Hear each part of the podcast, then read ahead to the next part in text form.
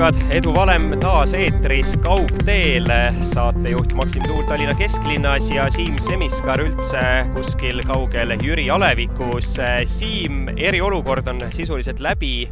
kõik on jälle lahti. kas tormasid kohe, kui asjad lõdvemaks läksid, kohvikusse, kinno, jõusaali, spaasse, et on igal pool käidud juba?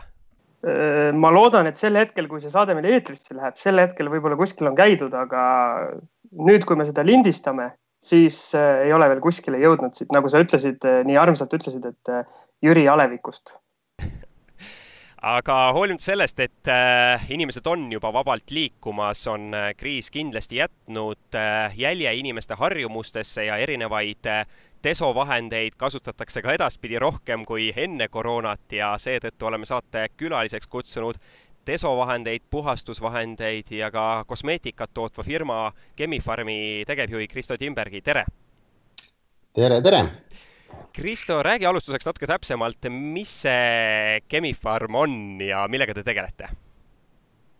Chemi-Pharm on äh, selline Eesti tootmisettevõte, toodame desinfektsioonivahendeid, puhastusvahendeid, nagu ütlesid, ja, ja luksuskosmeetikat ka äh, kakskümmend kolm aastat on, on see ettevõte seda teinud ja, ja nüüd viimasel ajal oli niisugune tuleproov või tulerist meil, et äh, kogu see kriis nii-öelda desovahendid äh, said nii-öelda üsna oluliseks kõigi jaoks. Äh, aga noh, jah, et põhimõtteliselt kõik, mis on vaja haiglates, meditsiiniasutustes selleks, et puhastada ja tappa igasugused bakterid ja pahalased pindadel põrandast laeni, nahal, igal pool, et selliseid asju me siis nii-öelda toodame aga kuidas siis selle kriisiolukorraga hakkama saite, et Eestis on teil äh, turuosa niikuinii äh, väga suur, aga kas õnnestus ka mujalt äh, nii-öelda turgu juurde saada? Eestis ma arvan, et kriisi mingi hetkel, ma isegi praegu ei oska hinnata, aga kriisil siin mingi hetkel ma arvan, et me hoidsime Eesti turus pea sada protsenti äkki, sest et kõik konkurendid, kõigil läks raskeks ja selle kriisi jaoks nagu me, me, me oleme natukene nagu teises äh, spektri teises ääres nii-öelda ettevõte, et kui hästi paljudel läks raskeks, et kes ei saanud palka maksta ja kellel ei olnud midagi müüa, siis meil äh, oli nõudlust nii palju, et me tegelikult päris kõike ei suutnud teha, mida kõik tahtsid saada ja, ja niisugust turgu juurde võtta on võib-olla natukene nagu vale äh,. ma ei tea, ülesande püstitus või, või kirjeldus, et katsusime hakkama saada ja hoida neid kliente, kes meil on ja ja niisugune täis täielikuks nagu kriisi juhtimiseks läks meil Chemi-Pharmis kõik. aga kuidas see nagu õnnestus või kuidas see reageerimine nüüd äh, käis, et kui no valmis ei saanud vist otseselt nagu olla selleks kriisiks? Äh, ja, äh, eks me mingil määral võib-olla nägime juba jaanuaris-veebruaris, et midagi midagi toimub, aga noh, päris, päris seda ei oodanud, ma arvan, mitte keegi, et siin Eestis sihuke laks ära käib ka, et meil ju ometi ei juhtu selliseid asju. ja, ja nägime, noh, meil hakkas see pihta sellega, et Hiinast äh, ja mujalt igasugused tarvikute tarned ja toorained ja mingid pisikesed asjad alguses ei tahtnud nagu kohale jõuda ja, ja siis, kui Hiina pandi kinni, seal kõik logistika jäi seisma, siis, äh, siis hakkasime esimesi probleeme lahendama aga kõik see kriis nii-öelda meie jaoks kuskil veebruari viimasel päeval või märtsi esimesel päeval nagu päevapealt niimoodi plõks käis ja, ja sisse tuli niisugune poole aasta jagu tellimusi lihtsalt ühe päevaga. ja, ja siis see jäigi selliseks äh, päris tükiks ajaks. ma tahakski küsida selle Hiina kohta, et teatavasti Hiinas juba ilmselt nii-öelda eelmise aasta alg- või tähendab eelmise aasta lõpus hakkas see asi levima, et sa ütlesid, et teil mingid tarvikud ja asjad jäid kinni, aga kas te seda viiruse viiruse asja ka vaatasite Hiinas, et kuidas see levib ja kas sellel on oht nagu siia jõuda, et äh, kõik vist natukene naersid selle Hiina peale ja vaadati, kuidas nad oma neid haiglaid püstitavad sinna põldude peale, aga keegi vist reaalselt ei osanud oodata, et see siia jõuab niimoodi. Mm, no see ei olnud nagu päris meie sihuke ülesanne, et hakata analüüsima, et kuidas viirused maailmas levima hakkavad, aga kuna, kuna meil äh, üks omanikest Rutt Tolter on ise arst taustalt, siis äh, ja ta on just nii-öelda infektsioonikontrolli ja kõigega tegelenud äh, hästi kaua, et siis tegelikult tema rääkis meile tükk aega seda ja eks me, me nägime, et see asi võib juhtuda, aga ega keegi realistlikult ei kujutanud ette, et päriselt nüüd niimoodi käib, et pea päevapealt nagu kogu elu jääb maailmas seisma, et ähm, see ikka oli üllatus aga teil on tütarfirma ka Singapuris, no Lätis ka, aga ütleme siis sinna Aasia poole, et kas sealt ka mingit sellist infot või kuidagi mingi infovahetus käis? No ei, et selles suhtes, et ega mis uut infot sealt ikka saame, et sama info, mis igal pool mujal levib, et äh, mingit eriinfot meil selles suhtes ei olnud ja, ja mis puudutab nüüd Läti tütarfirmat, siis seda meil tegelikult enam tütarfirmana ei ole, et selle me müüsime siin märtsi alguses äh, maha edasimüüjale ja investeerisime siis nii-öelda tootmisvõimsuse tõstmisesse ja uutesse seadmetesse ja kõigesse muusse. aga on Eesti üldse selline endiselt hea koht äh, tootmiseks, et kunagi öeldi, et äh, on hea, et siin on äh, madalad palgad ja nii edasi, aga tänasel päeval ei saa sellest vist enam rääkida, aga teie olete ikkagi jätkuvalt, toodate siin? jaa ähm,, hästi raske on hinnata, et kas ta nüüd on hea koht, et äh, ma arvan, et on head, et noh, meie jaoks kindlasti nagu plussid on see, et me ise elame siin ja oleme siin ja ja me tegelikult mingi hetk, kui me hakkasime uut tehast ehitama või ennem seda õigemini korra isegi mõtlesime ja käisime vaatamas, äh, kas ehitada kuskile Kesk-Euroopasse või kuskile mujale, mis oleks logistiliselt äh, paremas kohas. osasid tooraineid on võib-olla lihtsam kätte saada suuremates riikides äh, ja Kesk-Euroopas jällegi. aga juhtimise mõttes ja, ja kuna ise oled siin kogu aeg ja siis see on nagu niisugune loogiline, et siin, siia ta on ka jäänud ja, ja tegelikult ega me, meil ta nagu töötab ja meil iseenesest sellega probleeme ei ole, et äh, Eesti nüüd ütleme kaugemale lõuna poole, ida poole minnes, et see logistikakett võib minna natukene pikaks, aga muus osas on see päris okei okay koht ja Skandinaaviat tarnida siit on ka väga, väga okei. Okay mainisid uut äh, tehast, et ma tean, et seal olete ka väga sellised äh, innovaatilised olnud, et lähenenud, nägin ühte sinu esinemist, kus rääkisid teie isesõitvatest sõidukitest seal äh, tehases, et äh, kas see on äh, tootmisettevõtte üks edu alus kahekümne esimesel sajandil? isesõitvad robotid. Paraku mitte, meil on, me oleme kogu aeg tegelenud igast mingi saja asjaga ja meil on niisugune, niisugune ettevõte, et ma ei tea, kui peaks kirjeldama, siis me oleme natukene ambitsioonikamad ja võtame asju rohkem ette, kui üks tervemõistuslik inimene tahaks korraga asju teha et äh, igav meil ei hakka äh,. aga me oleme ise nii harjunud sellega, et me kogu aeg asjadega tegeleme, et noh, meie jaoks see innovatsioon ja, ja arendustöö ja kõik see ei ole ainult mingi uute toodete tegemine, et me kogu aeg tegeleme siin noh, see sama näide, et isesõitvad robotid, millega siselogistikat siis teha või siis liitreaalsus äh,. oleme katsetanud, oleme digitaalse kaksiku tehasest äh, teinud, mis aitas meil kolimisega ja kogu selle tehase planeerimisega Äh, nüüd pidi hakkama üks projekt äh, selle tehisintelligentsi rakendamiseks tootmises, aga see praegu selle kriisi valguses tundub, et nagu jäi cancel sellele. Et me, me kogu aeg ühesõnaga tegeleme igasuguste põnevate asjadega ja ega me teinekord päris täpselt ei tea ka, mis sealt välja tuleb, aga see kogu aeg õpetab jälle midagi uut, et kuidas midagi teha ja mida teistmoodi teha ja mida muuta ja kuidas enda protsesse kohandada, et paljud muutused varem või hiljem juhtuvad ja siis on hea valmis olla ja endal, endal ka nagu ettevõttes kompetentsid kasvavad sellega no meil oli eelmises saates äh, Upsteami äh, mobiilse autopesu äh, asutaja Martin Kristerson, et äh, tema rääkis, et äh, idufirmadel on ikka kogu aeg loomulikult eesmärk äh, kasvada, areneda ja nii edasi. Teie olete nüüd kakskümmend kolm aastat tegutsev ettevõte. Et kuidas teil äh, selle jaotusega on, kas ikka pidevalt ka otsite veel äh, uusi asju, mida arendada, no näiteks siis ju oletegi siin äh, ütleme siis eelmisel kümnendil kosmeetikaärisse sukeldunud ka, et, et ei ole pidurdunud sellega, et ikkagi ainult desovahendid? jaa, absoluutselt mitte. see kosmeetika oli nagu tegelikult loogiline jätk, et noh, see desovahenditega käivad kaasas ka igasugused seebid ja kätekreemid ja kõik muu, et see nahahooldus käib sinna juurde ja sealt tuli ka loogiline jätk sellele, et et kui me nahahooldusega niikuinii tegeleme ja hästi oskame, et siis teeme mingisuguse, mingi vähe parema nahahooldus, niisuguse tooteseeria ja, ja eks see õnnestus ka päris hästi, et Eestis on ta, Eestis on ta väga hästi nii-öelda kanda kinnitanud ehm,. muus osas noh, meie jaoks see kasv on nii elementaarne, et me kogu aeg kogu aeg ainult sellele mõtleme ja sellega nagu tegeleme, et juba ennem kriisi, noh, meil oligi see mingi kaks, seitseteist või kakskümmend, ma nüüd päris täpse numbri jään võlgu, erinevat riiki, kuhu me eksportisime. Äh, ja, ja selle kriisiga me praeguseks oleme juba äh, siin enda eelmise aasta käibe üle teinud äh, ja tuleb siia veel kõvasti nüüd peale, et see jah, kasv on meie jaoks kogu aeg nii-öelda sihikul. aga kas ettevõtluses saab üldse kordagi nii-öelda jalga lõdvaks lasta, et äh, ma nüüd olen kuskile jõudnud ja nüüd naudin seda hetke? see on hea küsimus, ma arvan, et saab ikka, et see oleneb ju puhtalt sellest ambitsioonist ja seda, et äh, mida, mida siis tahetakse selle ettevõttega või ettevõtlusega nagu saavutada ja teha, et äh, ega kumbki ei ole tegelikult õige, et, et peab just kindlasti hullult palju kasvama ja tegema, et meil on lihtsalt see organisatsiooni kultuur ja kõik selliselt kujunenud ja ambitsioonid on kõigil nii suured, et tahaksime teha rohkem, kui üks terve mõistusega inimene päevas ära jõuab teha. kui sa enne rääkisid, teil vahepeal äh, Eestis turuosa oli peaaegu sada protsenti, aga kellega te maailmas konkureerite või keda te oma konkurendiks peate? no me ise vaatame enda konkurentidena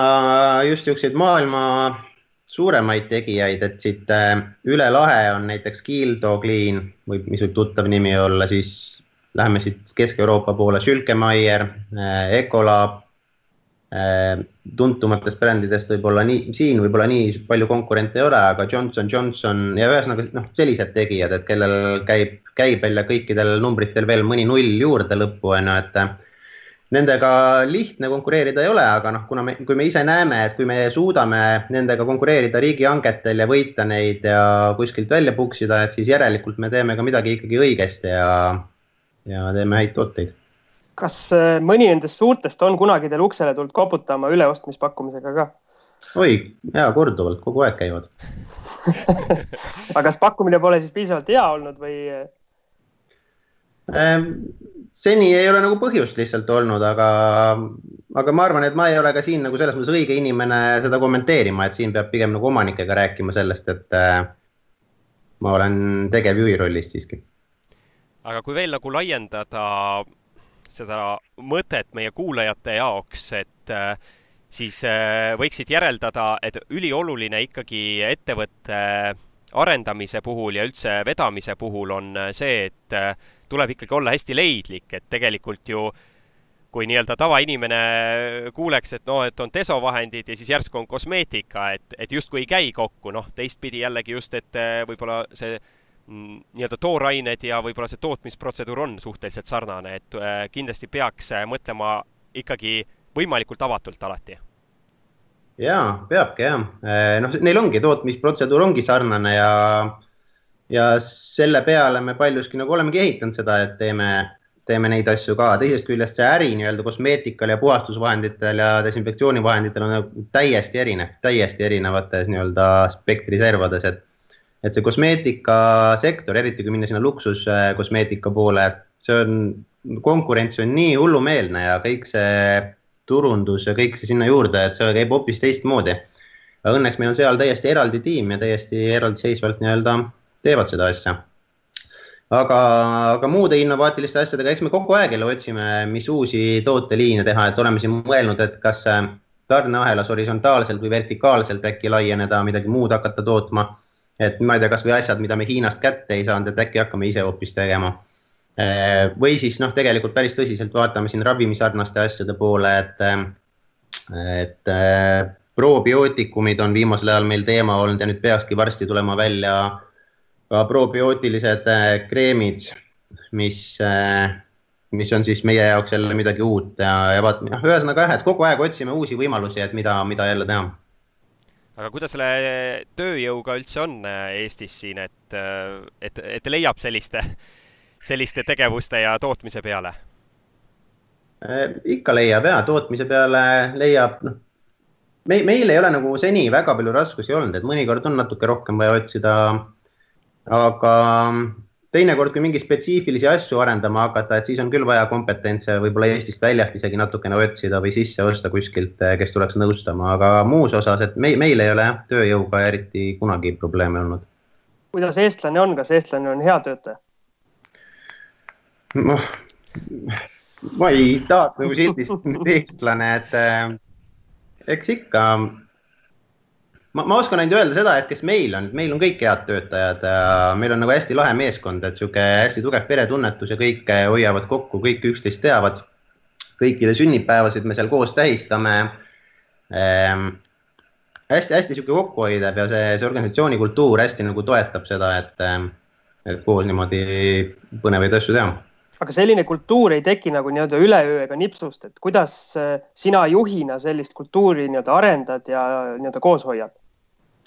Vot see on, see on üks üli, üliraske küsimus, et äh, see on ka üks üli, ülioluline asi, mida,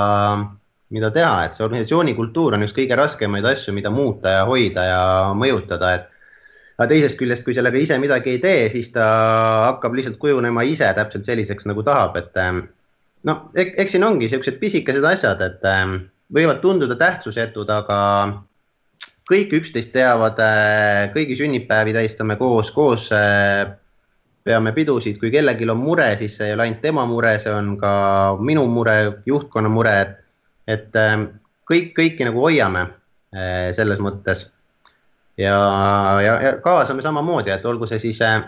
innovatsiooni või noh, ma isegi ei oska nagu seda hästi nüüd sõnastada, et et kõik arendus, mis me teeme, et üritame kõiki tasandeid sellesse kaasata, et kõik saaksid aru, et kõik räägiksid kaasa, et. Ähm,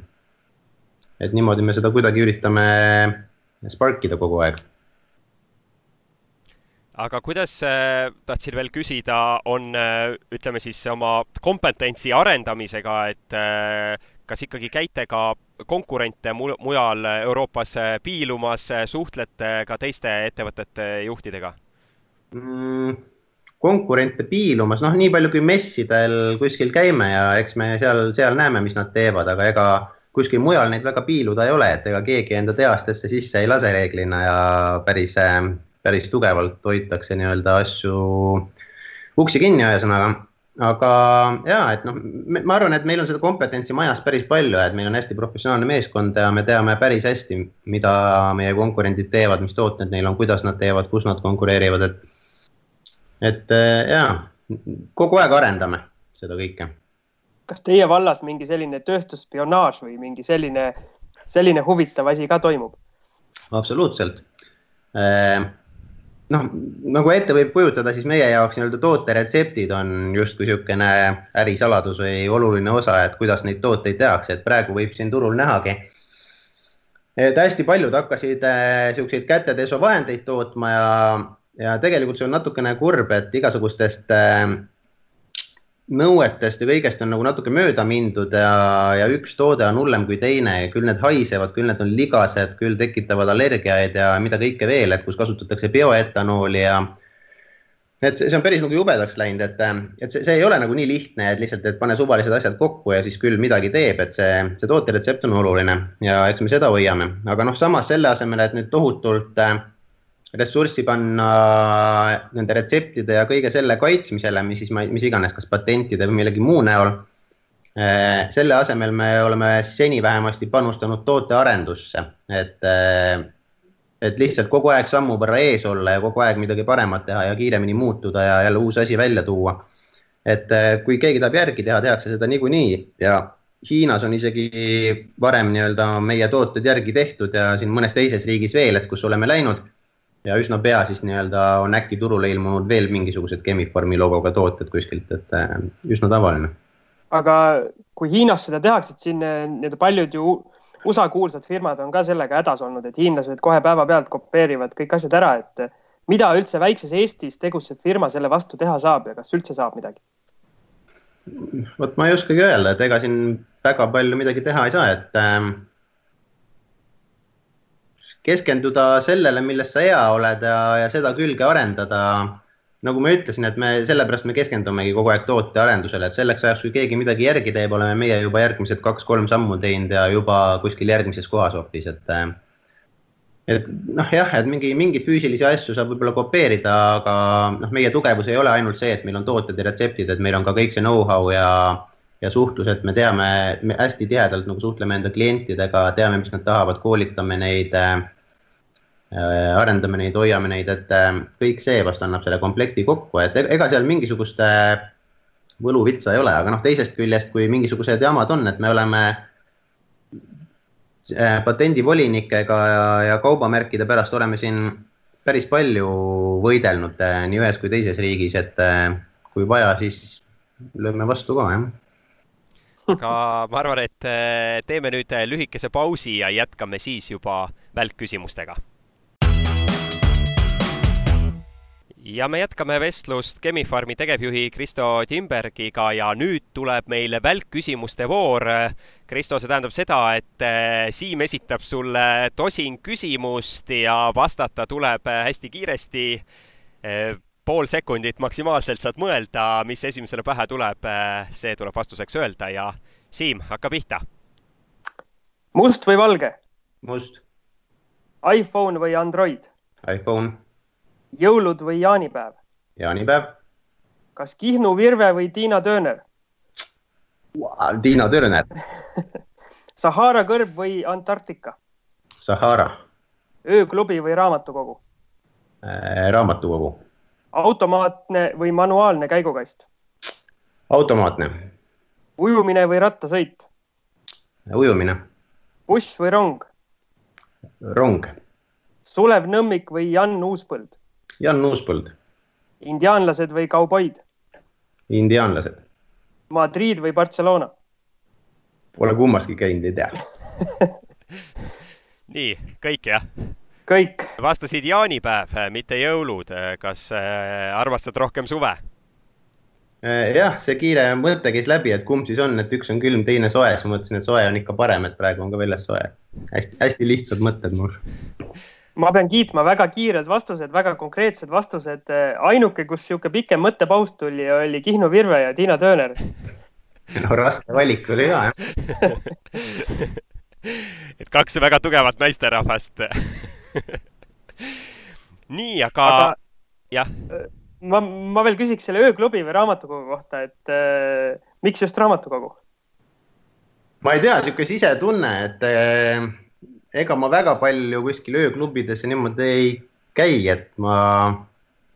e,, ma ei tea, ma ei oskagi öelda, sisetunne, et eelistan kuidagi niisugust privaatsemat ja rahulikumat ja konstruktiivsemat keskkonda, kuigi ööklubis võib ka teinekord tore olla. Aga raamatutest siis äh, loed äh, põnevikke äh, õudusjutte või rohkem sellist ma ei tea, juhtimisalaselt harivat või, või, või midagi taolist? Jah, mul kaasa kogu aeg on juba tükk aega teinud siin äh, märkusi, et kuule, et loe lõpuks mingi ilukirjandust ka, et ma ei mäletagi, millal ma viimati ilukirjandust lugesin, et pigem kipub ta niisugune juhtimis ja kõige niisugune enesearendusalane kirjandus olema, mis ma loen aga meie kuulajatele annaksid mingi soovituse ka, mis raamatuid või, või mis autoritelt tasuks midagi lugeda, kui tahavad ennast edukaks arendada? Äh, vot ma ei tea, kas need soovitused, mis ma annaks, kas nendest abi on, sest et minu, minu, ma just eile natukene mõtlesin, et mis raamatuid ma siis nagu viimasel ajal lugenud olen, et see minu lektüür on üsna, üsna niisugusesse teise teemasse, et kuna ma niisuguse laigulise vormiga ka ringi käin, siis on ta hästi tugevalt sinna sõja ja strateegia ja niisuguse juhtimise valdkonda läheb, et äh, viimased, ma vaatangi siit neli-viis raamatut on kõik selles valdkonnas, et äh, ma ei, ma ei oska nagu seda hästi soovitada, et sellest, sellest peab aru saama, et ja tahtma seda, neid lugeda. Aga kui nad seal sõjavaldkonnas on, siis tegelikult selles maailmas on ju väga äh, tugevad äh,, võiks öelda, käsuliinid, et äh, et kuidas sa üldse sellisest äh, ütleme, juhtimisse suhtud, et äh, tegelikult rääkisid enne, et teil on väga hea kollektiiv ja arutate ja räägite, aga aga kui flat teil see management on või, või, või, või kuidas need käsuliinid paigas mm,? jah, no kõigepealt see on natukene nagu võib-olla eksitav ka või sihuke eksiarvamus, et sõja, nagu sõja, sõjaväes on hästi tugevad käsuliinid, et on küll, aga seal on ka hästi palju muid mõjutajaid ja elemente, et et mille pärast inimesed midagi teevad. Ja ma ise pean seda üheks parimaks juhtimis nii-öelda pooliks, mida läbi teha, see õpetab sulle hästi palju ja hästi kiiresti juhtimise kohta. Äh, jah, tsiviilis on erinev küll, aga hästi palju sellest on ülekantav, et meil Chemi-Pharmis see struktuur on, see on niisugune hea küsimus, et ta on meil, parim sõna võib-olla seda kirjeldamaks on paindlik, et äh, me, meil ei ole väga selgelt ja tugevalt paigas see, et kes, kus ja kuidas ja kes kellele seal allub, et, et hästi palju läbi erinevate tasandite käiakse ja hästi palju tehakse koos ja kust jälle kellelgi kompetents on, et sealt tuleb sisse, et mõnes mõttes teeb ta selle natuke keerulisemaks, selle juhtimise, teisest küljest toob ta hästi palju jälle sihukest paindlikkust ja innovatsiooni ja kõike muud sinna siis, sinna sisse juurde. et natukene sihuke ebakorrapärane. Et niisugune sõjaväeline juhtimine on teatavasti ongi selline nii-öelda kriisiolukord, sest sõda on nagu kriisiolukord, et kui nüüd see koroona asi tuli, kas teil juhtimises firmas midagi muutus ka, et kas pidi, pidi nii-öelda natukene ebademokraatlikumaks see juhtimine minema või kuidagi mingit muud moodi? ja noh, läksid teised protseduurid nagu käiku, et ähm, et, et, et kui ma, kui ma mõtlen, mis nüüd siin, kui kriis tuli, mis hakkas, et ähm, mingi, mingit nagu käsuliini, et see päris nii karm ei pea kunagi olema, et see on ikkagi, lõpuks juhitakse inimesi ja vahet ei ole, mis olukord, sa pead neid motiveerima asju tegema. aga noh, jah, et mis, mis me tegime, et üsna kiiresti läks meil seina peale üles niisugune äh, staabisein või tahvel, kus äh, nii-öelda olukorda kogu aeg kaardistasime ja hoidsime ja muutsime, äh, mille juures koosolekuid tegime, väga lihtsaid ülesandepüstitusi tegime kohe algusest, esimesest päevadest äh, panime nii-öelda prioriteedid paika, mida, kellele ja miks me teeme ja siis lihtsalt selle järgi kogu aeg sõitsime, et äh, teatud elemente sealt sai laenata. aga Kristo, tahaks veel kohe küsida, et kuigi teil on selline ühtehoidev meeskond, siis palju on sinu tegevjuhiks olemise ajal ikkagi inimesi lahkunud ja, ja, ja mis on olnud need põhjused? Meil on hästi vähe on inimesi lahkunud, no eks inimesed ikka liiguvad mõned, aga meil on, äh, kui muidu öeldakse, et niisugune tavaline tsükkel on kas kuskil viis aastat, et inimene on viis aastat, siis liigub edasi, siis meil on üsna tavaline, et inimesed on seal kümme aastat ja viisteist aastat ja ja hästi-hästi kaua püsivad kõik seal, et. Äh, kas te annate et... siis neile nagu äh, uusi ülesandeid ka või kuidas see käib, et eh, eks tihtipeale ongi see, et eh, miks ju inimesed, ütleme siis viie aastaga, no mõned ütlevad ka seitsme aastaga, et ära tüdinevad, on ju see, et eh, noh, sa õpid asja selgeks, siis sa teed seda mingi aeg ja siis sa oled päris hea, aga siis otsidki uusi väljakutseid. Ja anname ja uusi ülesandeid noh, see on üks asi, mis ma, millele ma üsna palju tähelepanu pööran, et inimestel igav ei hakkaks, et äh, jah, et kui sa viis aastat ühte sama asja teed, siis arusaadavalt tahaksid midagi uut proovida ja areneda. me oleme päris mitmeid inimesi roteerinud, mingi uude rolli pannud, teinekord lausa uue funktsiooni või uue rolli loonud sinna, mida ta on ise siis nii-öelda välja arendama hakanud ja ise tege-, tegema hakanud oleme noh, põhimõtteliselt nii horisontaalselt kui vertikaalseid inim-, vertikaalselt inimesi liigutanud äh, kogu selles struktuuris, et, et kui keegi tunneb, et, et tahaks midagi uut, siis me tavaliselt ikka üritame leida selle võimaluse midagi uut teha. kui palju sa ise värbamises äh, nii-öelda kaasa lööd? üsna palju, noh, ütleme, et meil on ligi poole või rohkem praeguseks, äh, jah, praeguseks kõvasti rohkem töötajatest moodustavad ikkagi tootmistöötajad ja laotöötajad, et seal ma nüüd väga kaasa ei löö, et äh, seal meil tootmisjuht ja teised saavad väga hästi hakkama ja ise nad teavad, kuidas nad enda meeskonda loovad. Äh, aga ütleme, igasuguste võtmerollide puhul äh, ikka pea kõigiga kohtun ja kõigi, kõiges löön kaasa seal jah aga räägi siis meie kuulajatele, kes tahavad eh, ühte sellisesse heasse ettevõttesse tööle minna, et mis,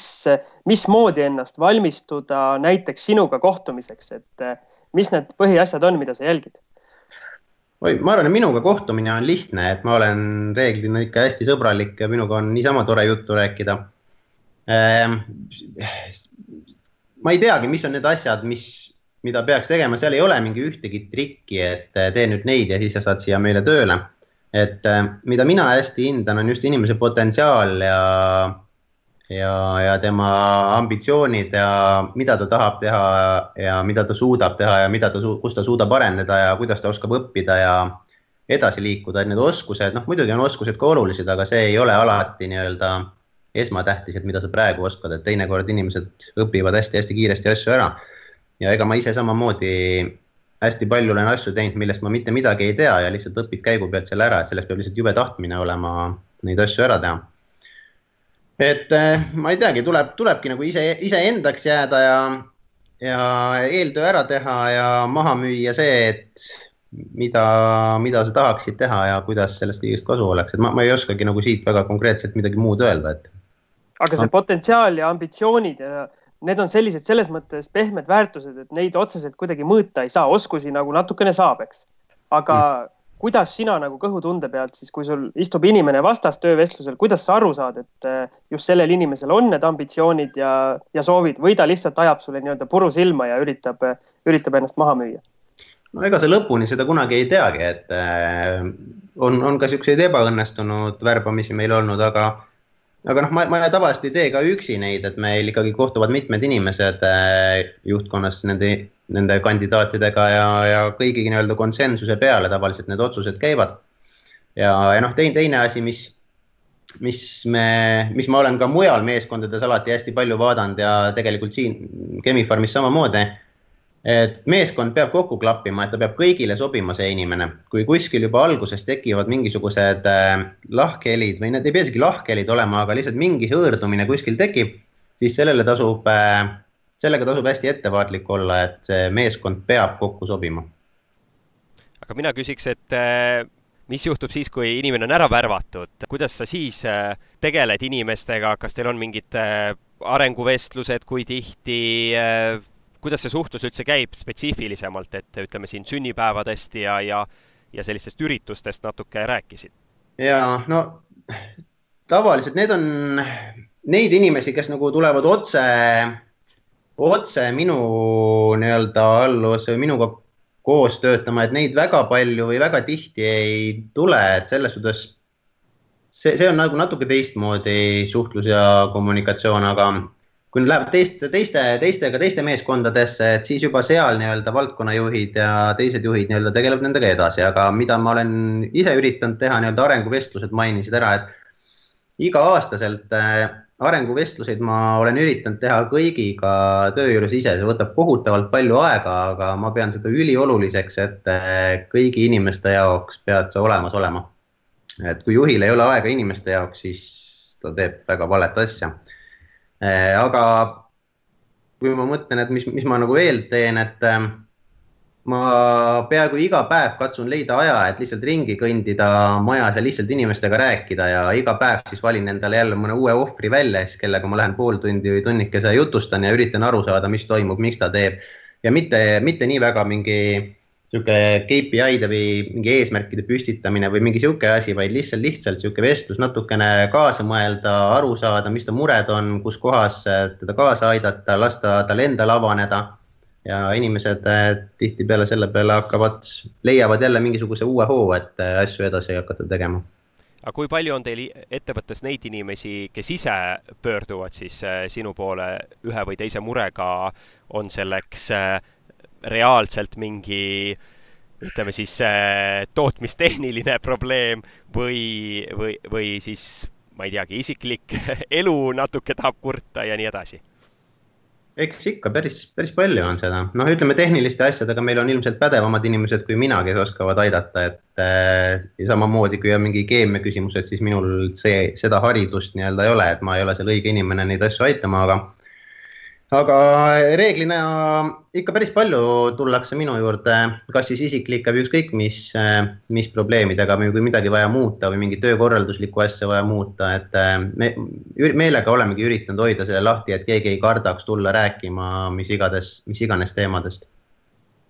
Maksim, kui sa lubad, siis äkki teeme lühikese pausi ja jätkame saate lõpus veidikene konkreetsemalt nii-öelda edu valemi ja edukaks olemise teemadel ja nagu enne lühikest pausikõlli sai öeldud, et tahaks nüüd jätkata nii-öelda edukaks olemise teemadel, et, et Kristo, sa kindlasti äh, lävid hästi paljude Eesti ettevõtete juhtidega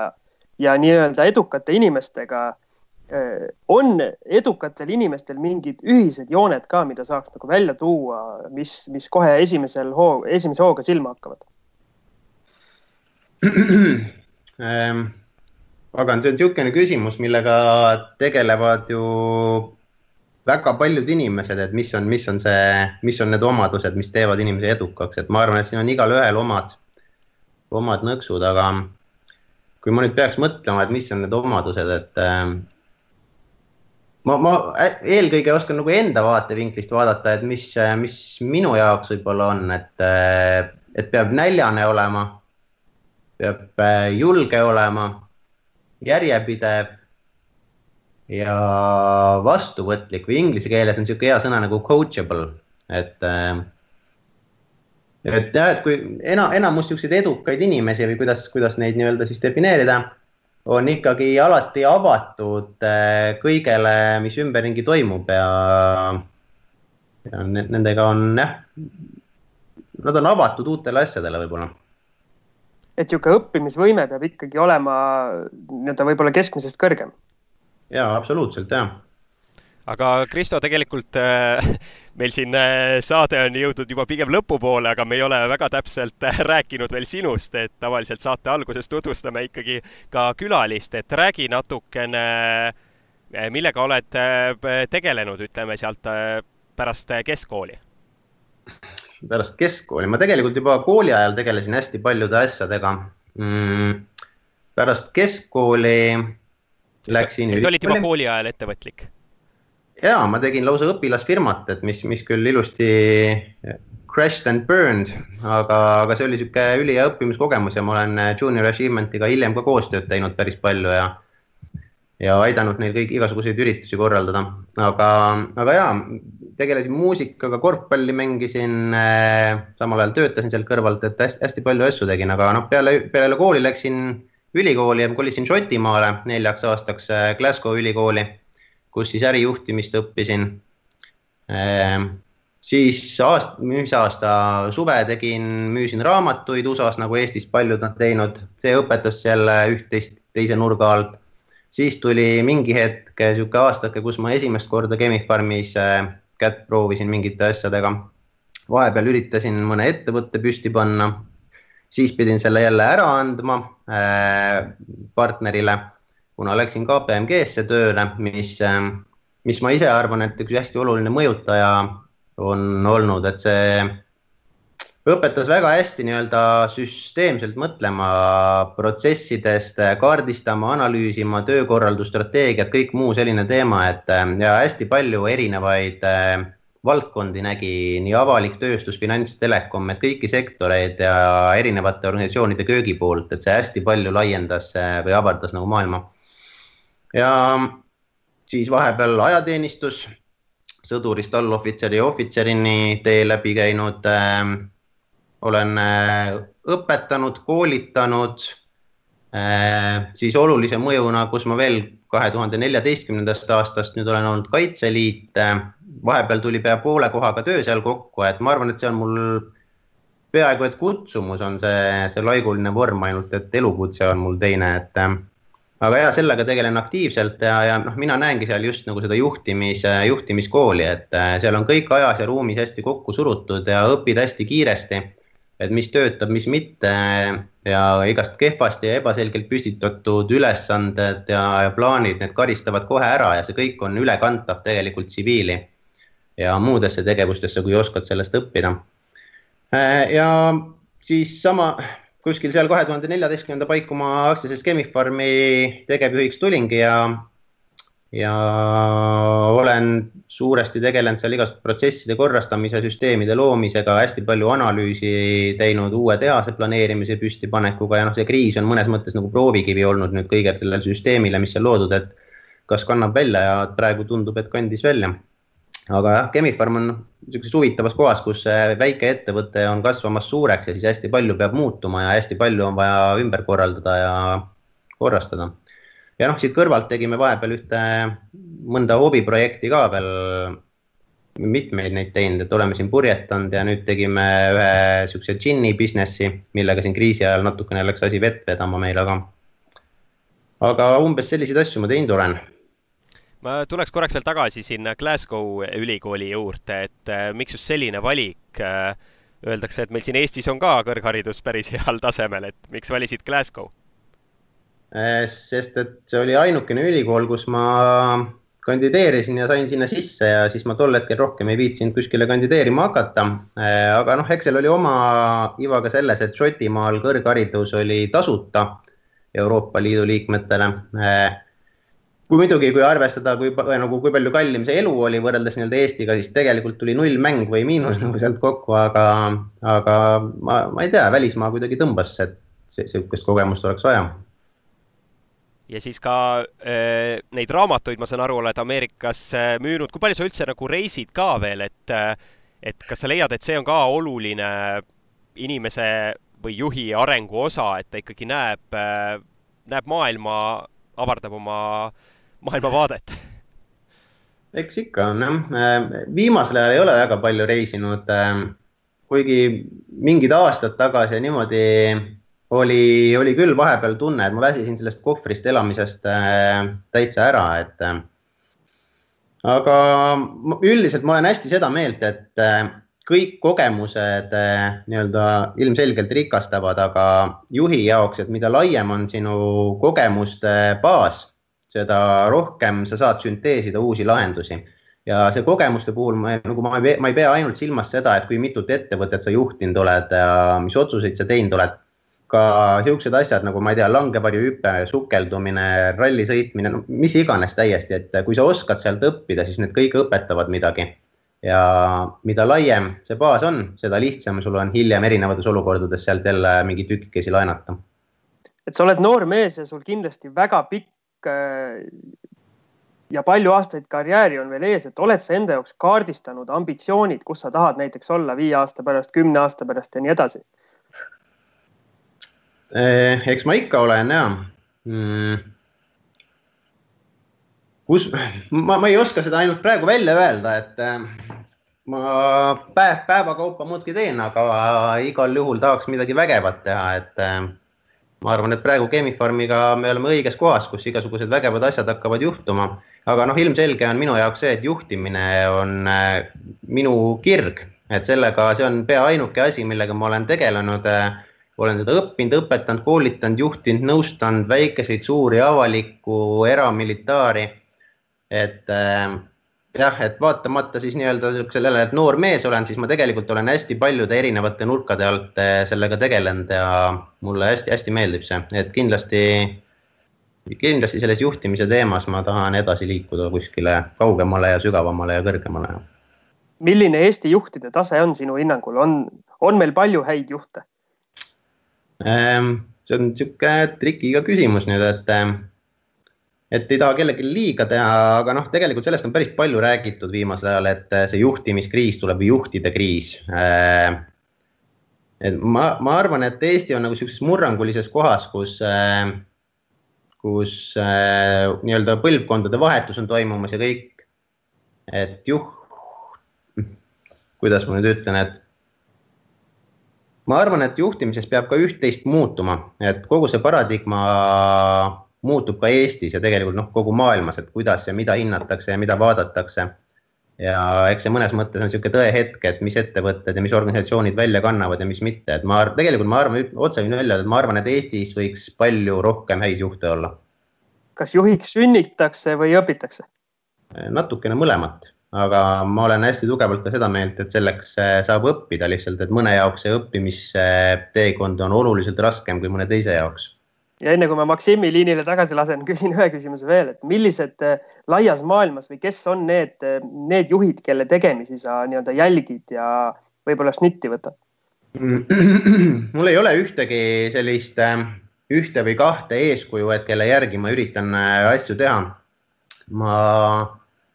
olen selle peale hästi palju mõelnud ja tegelikult ma olen hästi seda meelt, et kõik inimesed, kes su elust läbi käivad või keda sa märkad või kellega kokku puutud, kõik õpetavad sulle midagi. Ja, ja ma üritan kõigilt äh, nii-öelda juhtidelt äh,, kellega ma üht või teistpidi kokku puutun, midagi õppida, et noh, siin ma võingi näite tuua, et kui ma, kui ma raamatuid müüsin äh, USA-s, siis äh, üks olulisemaid asju, mis siiamaani on hästi palju mind muutnud või mõjutanud, on äh, see, kes oli minu nii-öelda student manager seal. et ma ausalt pean teda parimaks inimeste juhiks, keda ma tean, et tal oli alati kõigi jaoks aega, alati ta sai enda asjad tehtud ja, ja alati oli hästi rahulik, et, et see, see on nagu üks element, kust ma jälle nii-öelda siis šnitti võtan, et, et milline, noh, mismoodi käituma peaks. mõnelt teiselt juhilt jälle võtad mingisuguse teise omaduse, et kes oskab äh, kiiresti otsuseid teha või muid asju, et, äh, et üritan ümberringi kõiki märgata. Ja nüüd saan lõpuks mina sõna, Siim, või? suurepärane, sest kibelesin siin väga, kuna eh, Kristo peab ütlema, et ka minu, ütleme, suur huvi ja kirg on juhtimine ja selles mõttes oli seda juttu huvitav kuulata ja ma nõustun sinuga täielikult, et eh, juhtimistase võiks olla kõrgem eh, või parem Eestis, võib-olla ka mujal maailmas, seal olen vähemalt mina vähem kokku puutunud ja eks seal äh, kindlasti üheks suureks probleemiks on, ma arvan nii, et, et teatud, ütleme, ettevõtetes ikkagi need spetsialistid äh, tõusevad äh, justkui juhtideks, et kellel on küll selle mis iganes teatud asja teadmised, aga tal ei ole juhtimisteadmisi, et see on nagu see üks külg ja teistpidi ongi, et ettevõtetes võib-olla, kes on kõige pikemalt olnud seal või, või kes tunneb kedagi kõige paremini või kes võib-olla on äh, mingis osas äh, taaskord tegelikult jõuan ringiga sinna spetsialisti juurde, et on, ütleme, selles valdkonnas justkui kõige targem, aga tal tegelikult sellised juhtimis, kui me räägime siin ma ei tea, strateegilisest mõtlemisest või personali juhtimisest, siis see puudub ikkagi. et, et sellised asjad juhtuvad. kas nõustud minuga, kommenteerid sellist minu väikest sõnavõttu? Ja nõustun ikka ja tihtipeale inimesed kuidagi satuvad juhi positsioonile ja aru saamata, et mida nad tegelikult tegema peavad või kes on juht ja eks, eks seda näeb, eks me oleme tööl samamoodi näinud, kes on natuke võib-olla liiga kiiresti kuskile mingisuguse juhi rolli sattunud aga noh, siin üks asi, mida võib-olla hästi, mille peale tihti ei mõelda, mõelda on ka see, et on siin vahe, kas oled juht või liider, on ju, et mina hästi hindan inimestes just seda liidrioskust, et et see, kelle järgi inimesed peavad tahtma tulla ja see eeldab sinult mingisugust suhtumist ja käitumist ja et, et kaasa inimesi tõmmata, et teinekord see juhi töö, ma mõnikord nii-öelda naljaga mõtlen ka sellele, et mis siis mina teen, et nagu nagu ei teegi mitte midagi, et päev otsa istun seal, nokitsen, loen midagi, vahepeal räägin kellegiga, siis kaks tundi jälle istun. ja võtan siis lõpuks paberi ette, tõmban sinna